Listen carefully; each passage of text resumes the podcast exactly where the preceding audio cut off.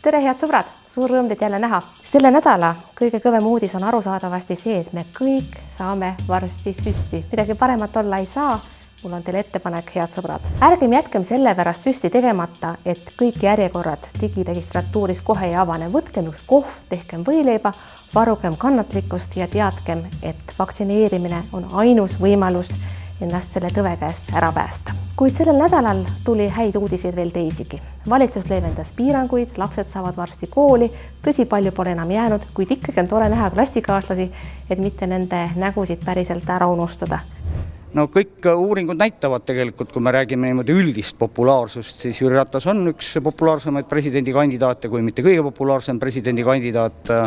Jüri Ratas, mees, kes ei ole küll välja öelnud, et ta presidendiks tahab saada, kuid kõik märgid näitavad, ta soovib siiski seda, näitas ennast sellel nädalal Eesti Ekspressis ilmunud loos aga tavalise laristajana, mehena, kes ei suuda vahet teha ise oma ja riigi rahakotil, inimesena, kes suhtub väga lõdvalt maksumaksja rahasse mis iseenesest pole mitte midagi muud kui sinu ja minu raha.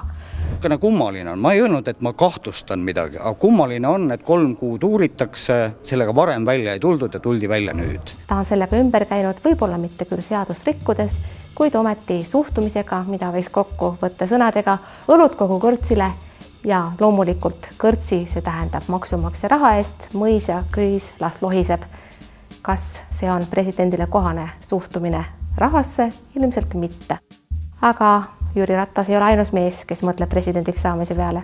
vähemasti üks, kes on oma nime üles andnud, on siin kohe varsti stuudios ja me saame tema käest küsida, mida tema arvab Jüri Ratasest ja ise oma ambitsioonidest presidendiks saada. algab saade Vilja küsib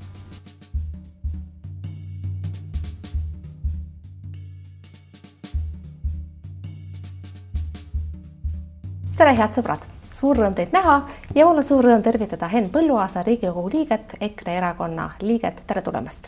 tere. me peame paratamatult rääkima jällegi presidendikampaaniast, mis õigupoolest pole alanud, aga valimised iseenesest on juba üsna lähedal. ja teie, nagu ma õigesti aru saan, olete öelnud välja nii-öelda poolametlikult, et te olete EKRE presidendikandidaat. kas tänaseks on see siis kuidagi juba kindlamaks saanud?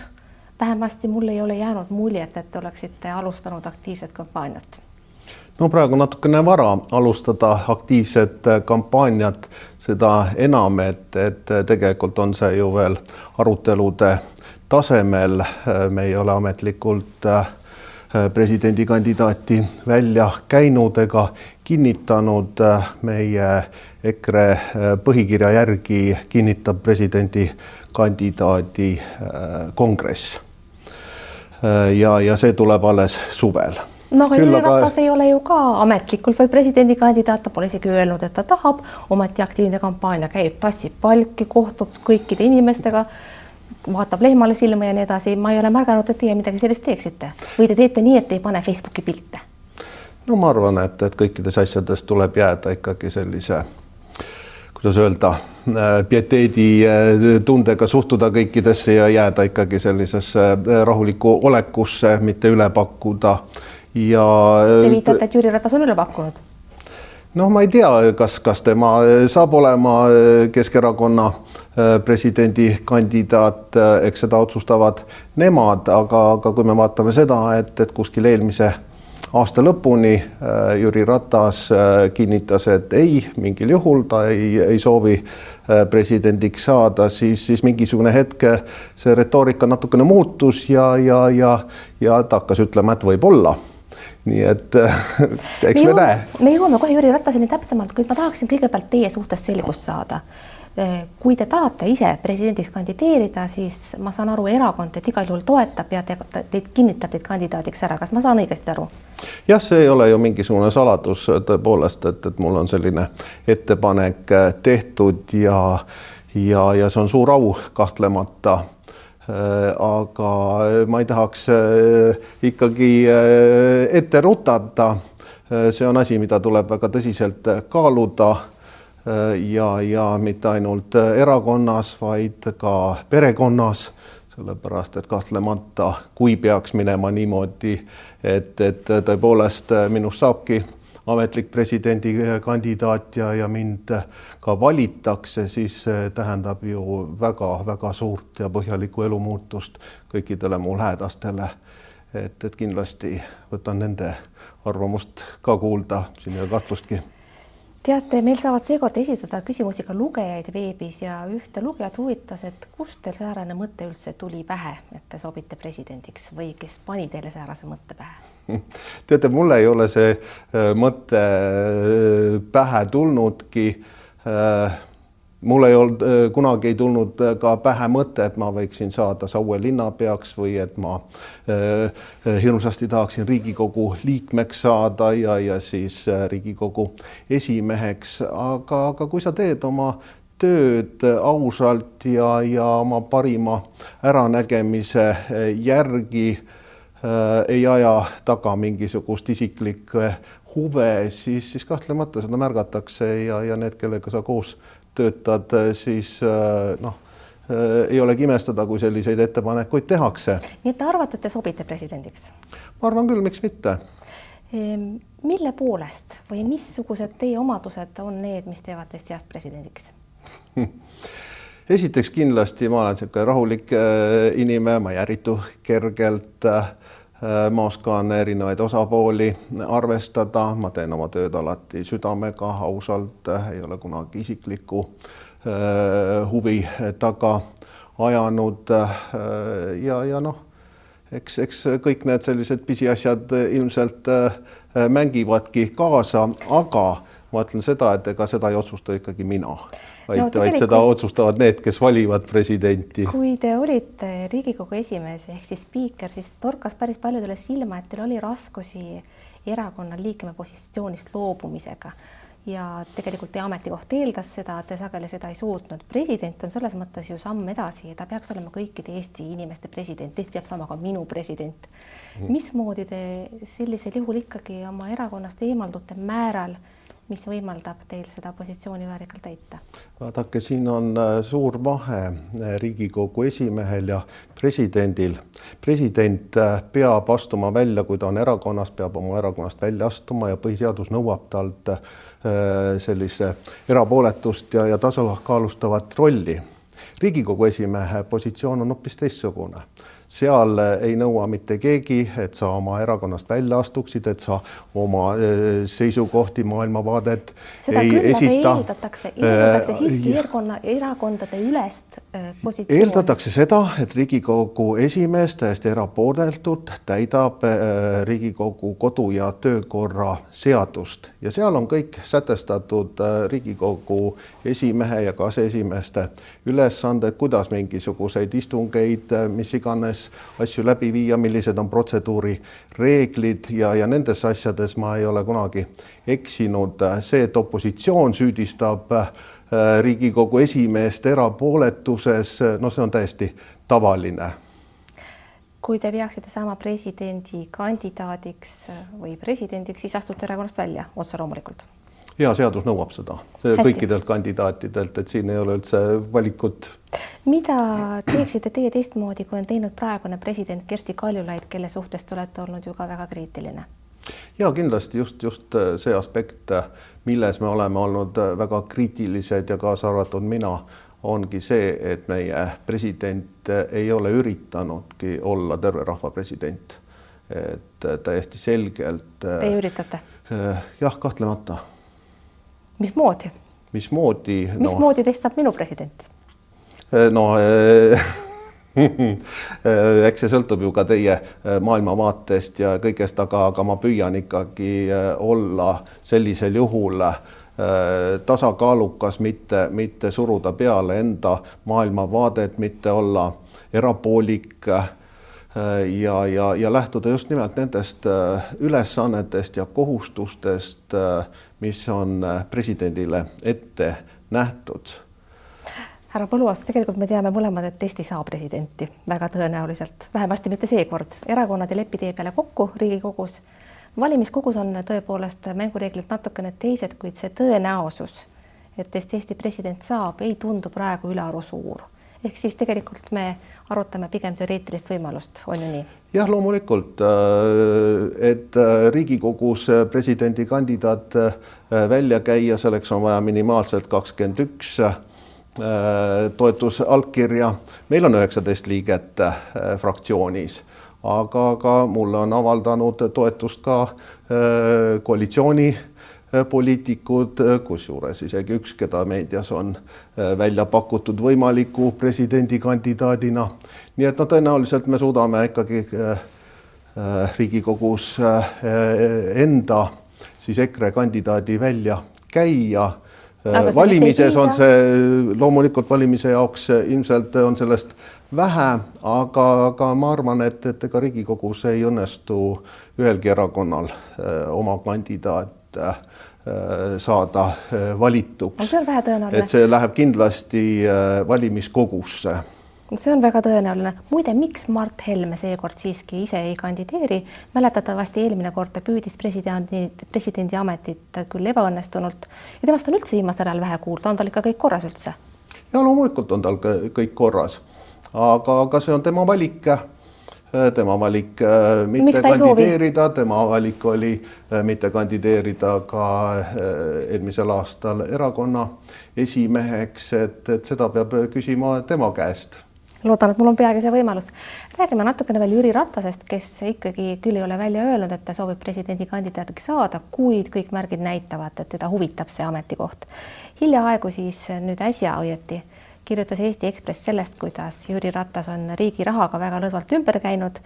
noh, omavahel öeldes tegemist täitsa tavalise laristajaga, võib-olla ei ole rikkunud otseselt seadusi, kuid halb toon on kindlasti kahe rahakoti segamini ajamine vaatasin huviga uutest uudistest, mis küll nemad võiksid arvata ja veel eh, viimane, viimane pilk sinna uudistesse enne saatesse tulekut tõendas, et te pole üldse sellest mõelnud, vähemasti mina ei leidnud portaalist üldse mingit seisukohta.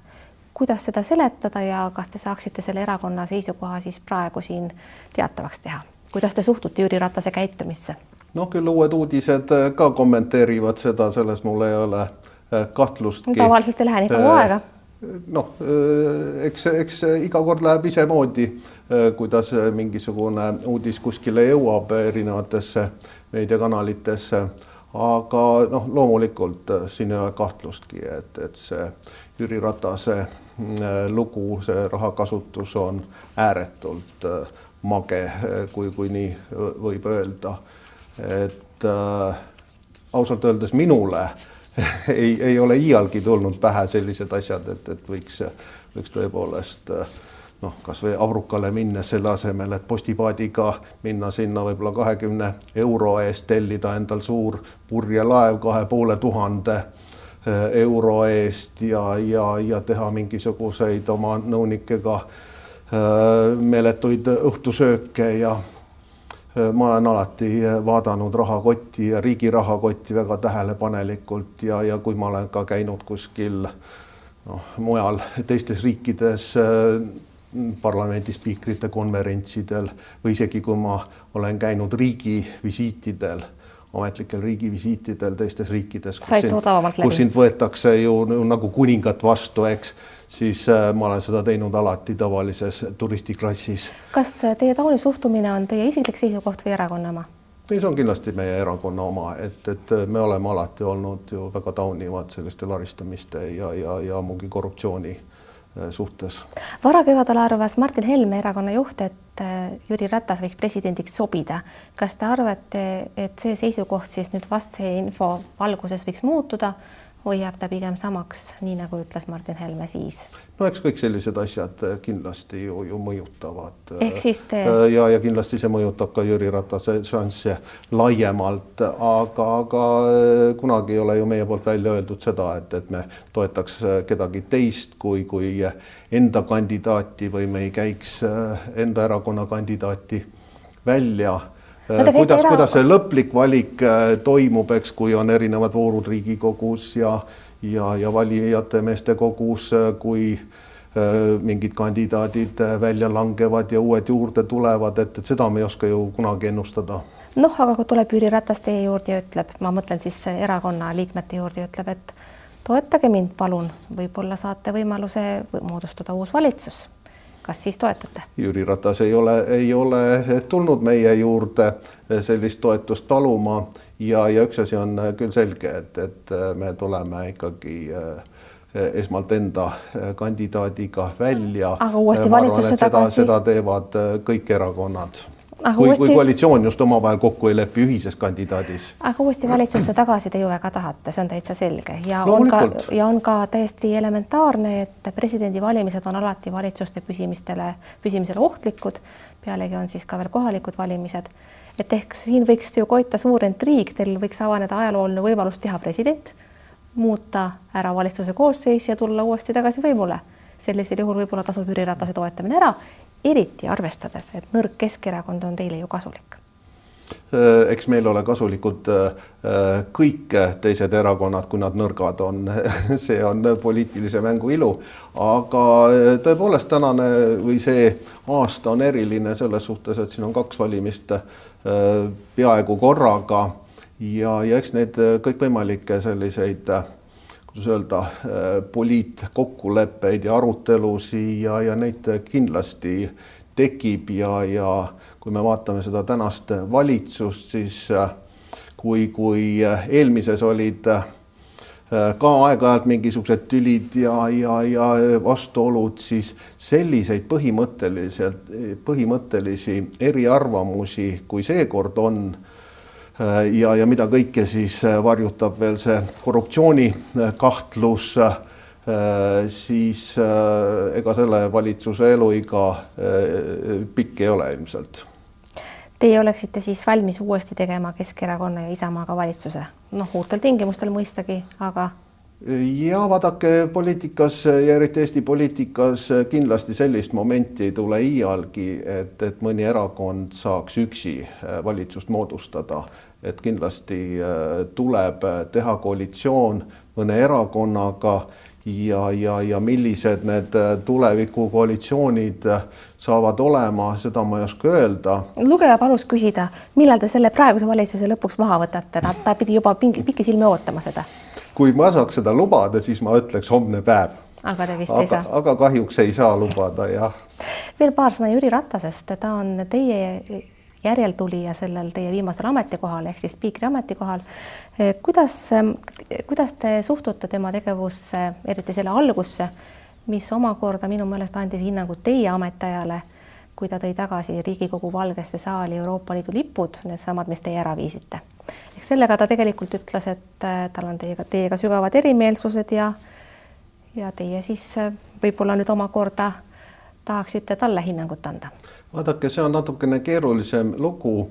Äh, mina mitte lihtsalt ei viinud ära Euroopa Liidu lipud, vaid ma tõin tagasi Eesti Vabariigi lipud, mis olid sealt ära viidud äh, tõesti vaikselt ja salaja see on meie äh, kõige uhkem tseremoniaalruum Kadriorus, kus on täiesti loogiline, et, et kui seal Eesti lipud lehvisid, siis nad peavad ka edaspidi lehvima ja see otsus kuigi Reformierakond siis vaidlustas selle minu otsuse, äh, siis äh, suur saal otsustas, et äh, seal ei pea olema mitte Euroopa Liidu lipud, vaid Eesti Vabariigi lipud. ja Jüri Ratas tõepoolest ühe esimese asjana laskis tuua sinna Euroopa Liidu lipud, aga tegelikult see on ju Riigikogu otsuse vastu ja Riigikogu juhatusel ei ole õigust äh, eirata Riigikogu otsuseid. nii et, et see, see asi on tõesti üsnagi selline, kuidas öelda, delikaatne. delikaatne on ka Mart Helme plaan moodustama hakata Euroopa Liidust väljaastumise töörühma Riigikogus. selline plaan talle olevat kuidas teiega on, kas teie pooldate ka, et võiks astuda Euroopa Liidust välja? Ega siin ei ole saladust, me oleme ju tõepoolest äh, euroskeptiline erakond, aga, aga iseenesest see ei tähenda seda, et, et meil oleks äh, mingisugune plaan ja otsus, et me peame Euroopa Liidust välja astuma.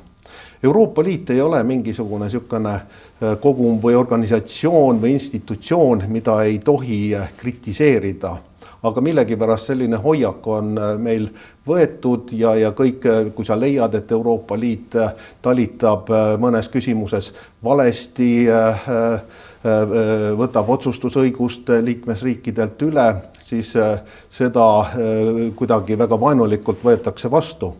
Euroopa Liit aru, on see... suveräänsete riikide liit ja sellisele lepingule me oleme alla kirjutanud ja, ja Mart Helme poolt äh, kavandatav siis äh, saadikute rühm äh, või selle kokkukutsumine ongi tingitud sellest, et kusagil peab olema see punane joon, mida tuleb jälgida, et, et sellest üle ei minda, et Eesti Äh, ei kaotaks oma suveräänsust ja sellisel juhul loomulikult äh, see on juba ju hoopis teistsugune Euroopa. ma ei saa täpselt, aru, kas te siis põhimõtteliselt te välja astuda ei taha, ei taha, aga tahate rohkem kritiseerida, kas ma saan õigesti aru?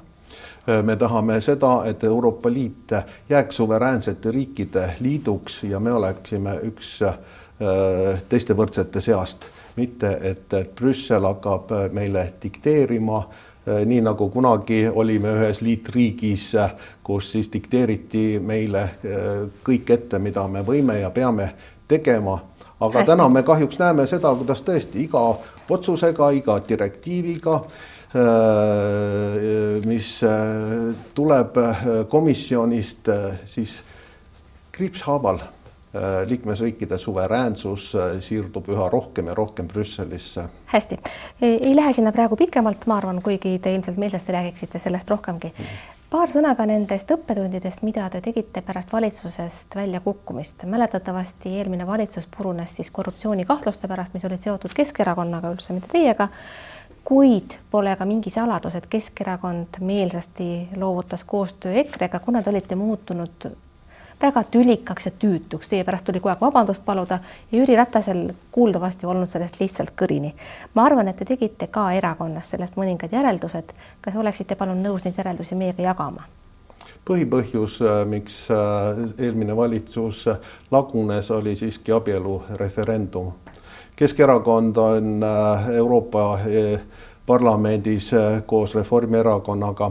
ALDE äh, liige, sealtpoolt tuli väga äh, tugev surve, tuli ka mujalt Euroopast väga tugev surve, pluss siis ka siit koha pealt meedia ja, ja, ja teatud ringkonnad ja, ja tegelikult see korruptsiooni kahtlustus, mis neile esitati, see oli lihtsalt heaks võimaluseks astuda valitsusest välja ja mitte seda abielureferendumit äh, korraldada. no Keskerakonnale see ei meeldinud, nad ei teinud sellest saladust. Äh, kui nüüd iseenesest oli see muidugi päris kummaline, kuidas see viimane päev seal Riigikogus toimus, teie kurikuulsad sõnad, nojah, mis seal ikka, kuigi tegelikult oli valitsus juba öösel kukkunud ja Jüri Ratas lubanud, et astub tagasi.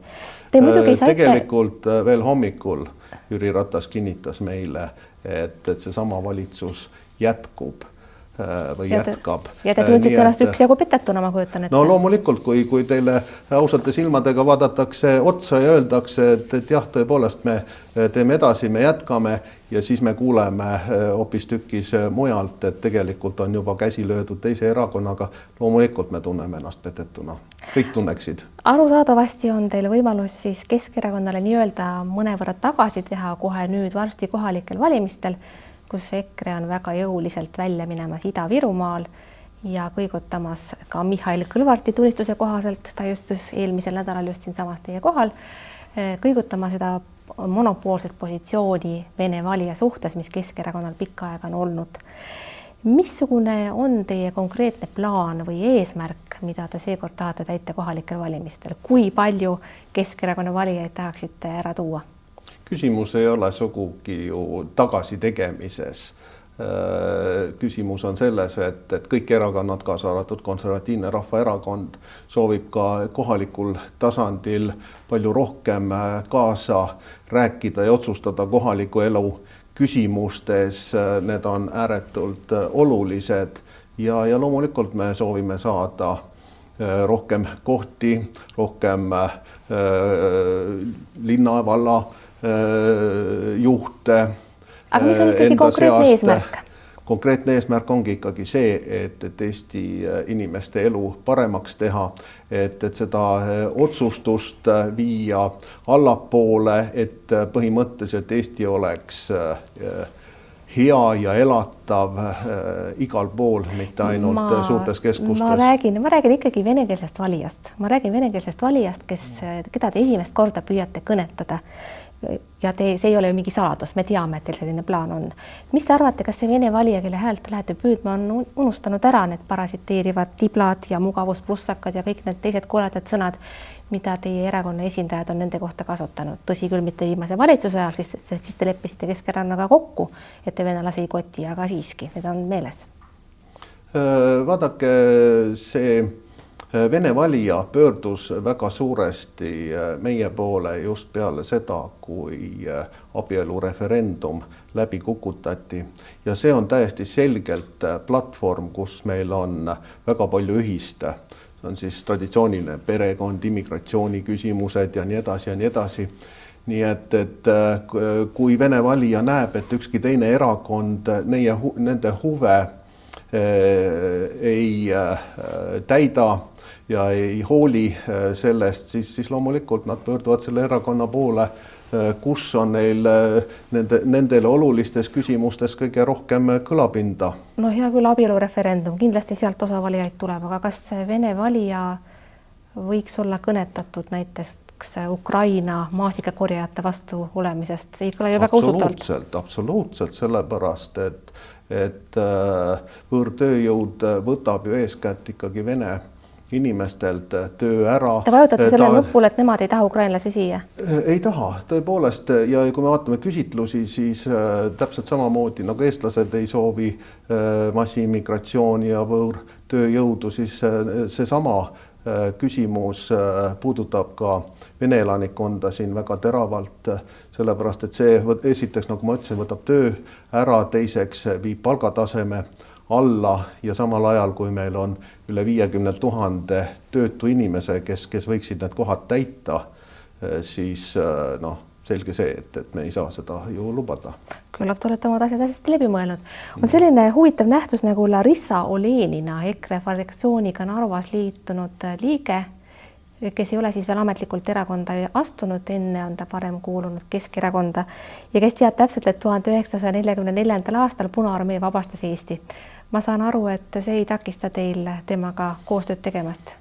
No selles küsimuses loomulikult me oleme absoluutselt kardinaalselt erineval seisukohal. aga tühja sellest, kui ta hääli toob või äh, kuidas? asi ei ole üldse häältes, asi on selles, et, et kohalik fraktsioon otsustas ta vastu võtta ja olgem ausad, äh, kohalikus omavalitsuses on ikkagi hoopis teised teemad, on sotsiaalteemad, haridusteemad, kommunaalteemad, mis on olulised, seal ei tehta sellist ideoloogilist parteitööd, nii nagu ütleme Riigikogus no aga ja, vaene Jaak Valge, kuidas selle üle elab? erakonda sellise, selliste vaadetega inimene loomulikult ei saa, et, et erakonnas me peame Erakondade ikkagi, äh, peame ikkagi jagama ühtseid vaateid ja aateid. Äh, aga kohalikul tasandil just nimelt nendes äh, valdkondades, millest ma rääkisin, me näeme ju üle üle Eesti kõikvõimalikke selliseid koostöövorme ja, ja koalitsioone, kus on erakonnad, kes näiteks Riigikogus on vastastikku aga äh, kohalikul tasandil teevad rõõmsasti koostööd ja on koalitsioonis. aga teie tuumikvalija äkki mõtleb teile, kui tsiteerida teile teid ennast, äkki, äkki küsite nagu teie, kuhu on kadunud need aated, väärtused ja väärikus, millele tuginedes meie esiisad asutasid oma riigi? aga sellele küsimuse... küsimusele, mis ma pidasin, kui ma seda kõnet pidasin, siis sellele ma ka vastasin, et need aated ja väärikus ei ole mitte kuskile läinud, need on meil südames ja nendest me ei kavatsegi loobuda. me, me ei kiida heaks mitte mingisuguseid selliseid sovjetismi ilminguid või, või äh, ajaloo äh, Äh, ümberpööramist, justkui Eesti oleks vabastatud Punaarmee poolt ja, ja, ja tõepoolest äh, meie erakonnas selliste äh, inimestel kohta ei ole aga kas kohalikul tasandil võiksite teha sarnast koostööd nagu Leninaga ka näiteks nende inimestega, kes kaitsevad LGBT õigusi või leiavad, et samast soost inimesed võiksid abielluda?